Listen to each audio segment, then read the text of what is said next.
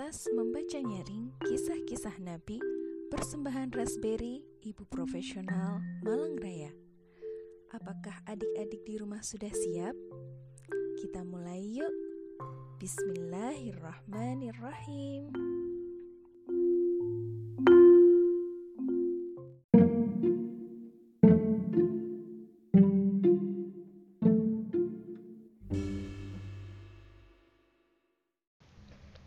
Bismillahirrahmanirrahim. Assalamualaikum warahmatullahi wabarakatuh. Allahumma sholli ala sayyidina Muhammad wa ala ali sayyidina Muhammad. Rabbis rohli sodri wa yassirli amri wahlul uqdatam min lisani yafqahu qawli. Amma ba'du. Adik-adik semua bertemu lagi bersama saya Bunda Rinda di acara Raspberry Program Ramadan dari Ibu Profesional Malang Raya Kali ini kita akan membahas topik tentang Isra Mi'raj Nabi Muhammad Shallallahu Alaihi Wasallam, perjalanan yang begitu besar, perjalanan yang begitu jauh sekali dari bumi menuju langit, bertemu dengan Allah. Hari ini kita akan membahas tentang Isra, yaitu perjalanan Nabi Muhammad di malam hari dari Masjidil Haram di Mekah menuju Masjidil Aqsa di Palestina. Seru sekali kan? Yuk simak ceritanya. Aku suka ceritanya Nabi Muhammad. Iya, anak soleh dan soleha harus tahu dong ceritanya Nabi Muhammad supaya kita bisa menjadikan beliau sebagai contoh dalam kehidupan sehari-hari.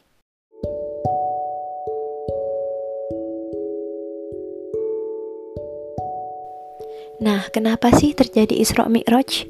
Waktu itu Nabi Muhammad mengalami tahun kesedihan, yaitu saat istrinya Khadijatul Kubro meninggal dunia. Beliau adalah seorang istri yang sangat mendukung perjuangan dakwah Rasulullah dengan memberikan harta semuanya diberikan kepada Nabi Muhammad sampai harta itu habis. Kemudian disusul oleh pamannya, yaitu Abu Talib yang meninggal dunia. Pamannya adalah orang yang selalu menjaga dan selalu melindungi dakwah Nabi Muhammad dari serangan orang-orang. Dengan meninggalnya dua orang yang paling melindungi Nabi, maka tidak ada lagi yang bisa menjaga Nabi dari serangan kafir Quraisy. Mereka semakin dahsyat dalam menyerang, menghina, memusuhi Nabi. Bahkan suatu hari ketika Rasulullah berjalan, ada seseorang yang melempari Nabi Muhammad dengan pasir ke rambutnya, ke kepalanya yang biang mulia. Sehingga saat Nabi pulang, anaknya menangis. Fatimah Zahra sangat sedih melihat ayahnya pulang penuh kepalanya itu dengan pasir.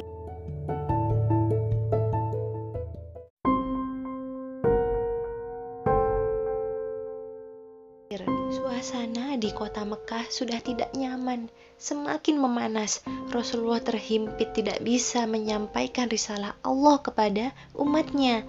Kemudian Rasulullah berpikir, bagaimana kalau aku pergi ke Taif? Kemudian berangkatlah beliau ke kota Taif, tapi apa yang terjadi? Beliau juga malah dilempari oleh batu. Dakwahnya tidak diterima, diusir dan dihinakan, diejek. Sampai-sampai anak-anak kecil melempari beliau dengan batu sampai kaki beliau berdarah. Hingga akhirnya malaikat Jibril dan malaikat penjaga gunung bertanya, "Ya Rasulullah, jika engkau mau, kami akan menimpakan dua gunung ke penduduk kota Taif." Nabi Muhammad berkata apa? Tidak. Jangan. Jangan melempari, jangan menghancurkan mereka. Jangan timpakan mereka dengan gunung karena aku mengharapkan anak keturunan dari mereka di kota Taif nanti akan memeluk agama Islam. Masya Allah, sangat pemurah dan pemaaf. Sikap Nabi yang penuh kesabaran dan ridho atas apa yang terjadi membuat Allah semakin cinta kepada Nabi. Allah pun memberikan hadiah yang sangat indah, yaitu suatu malam pada tanggal 27 Rojab, malaikat Jibril datang mendatangi Rasulullah kemudian melakukan pembelahan dada. Hati Rasulullah yang sudah bersih dibersihkan lagi oleh malaikat Jibril sehingga kotoran sekecil apa pun menjadi hilang. Hati Nabi Muhammad menjadi lebih suci, cerah bersinar dan bercahaya. Semakin dipenuhi oleh mahabbah, oleh cinta kepada Allah semata. Perjalanan Isra pun dimulai.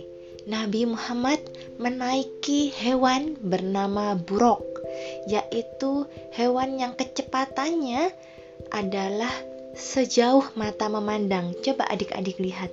Adik-adik bisa melihat sampai mana? Sampai langit? Adik-adik bisa melihat langit kan? Maka sejauh itulah satu langkah kakinya buruk.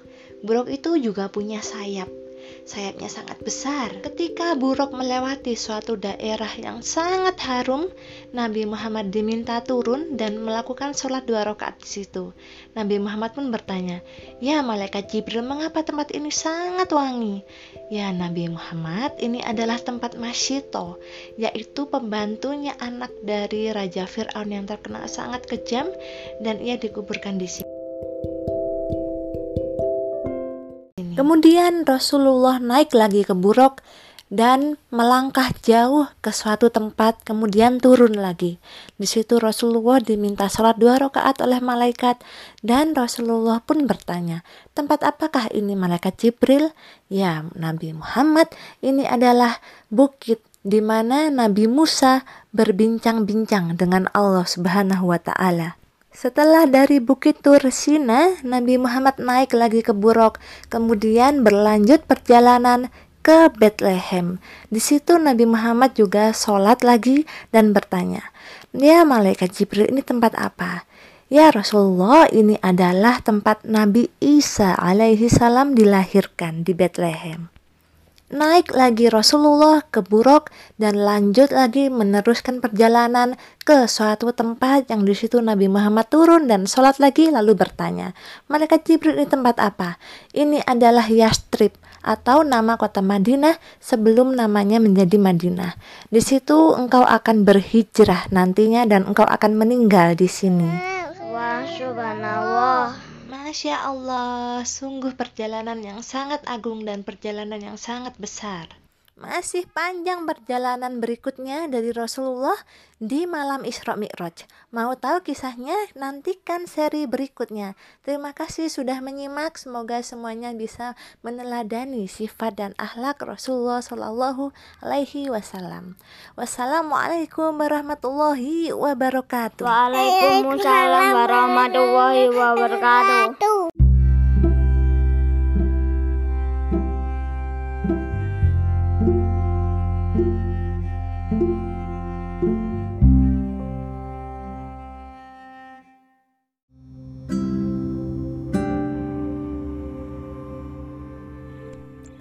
Alhamdulillah, demikian tadi Sirah Nabawi dari rangkaian acara Raspberry Ibu Profesional Malang Raya.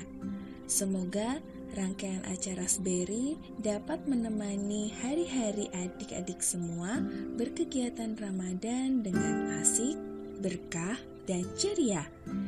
Informasi lebih lanjut mengenai Raspberry dan kegiatan Ibu Profesional Malang Raya dapat disimak di akun resmi kami di Facebook dan Instagram at Ibu Profesional Malang Raya.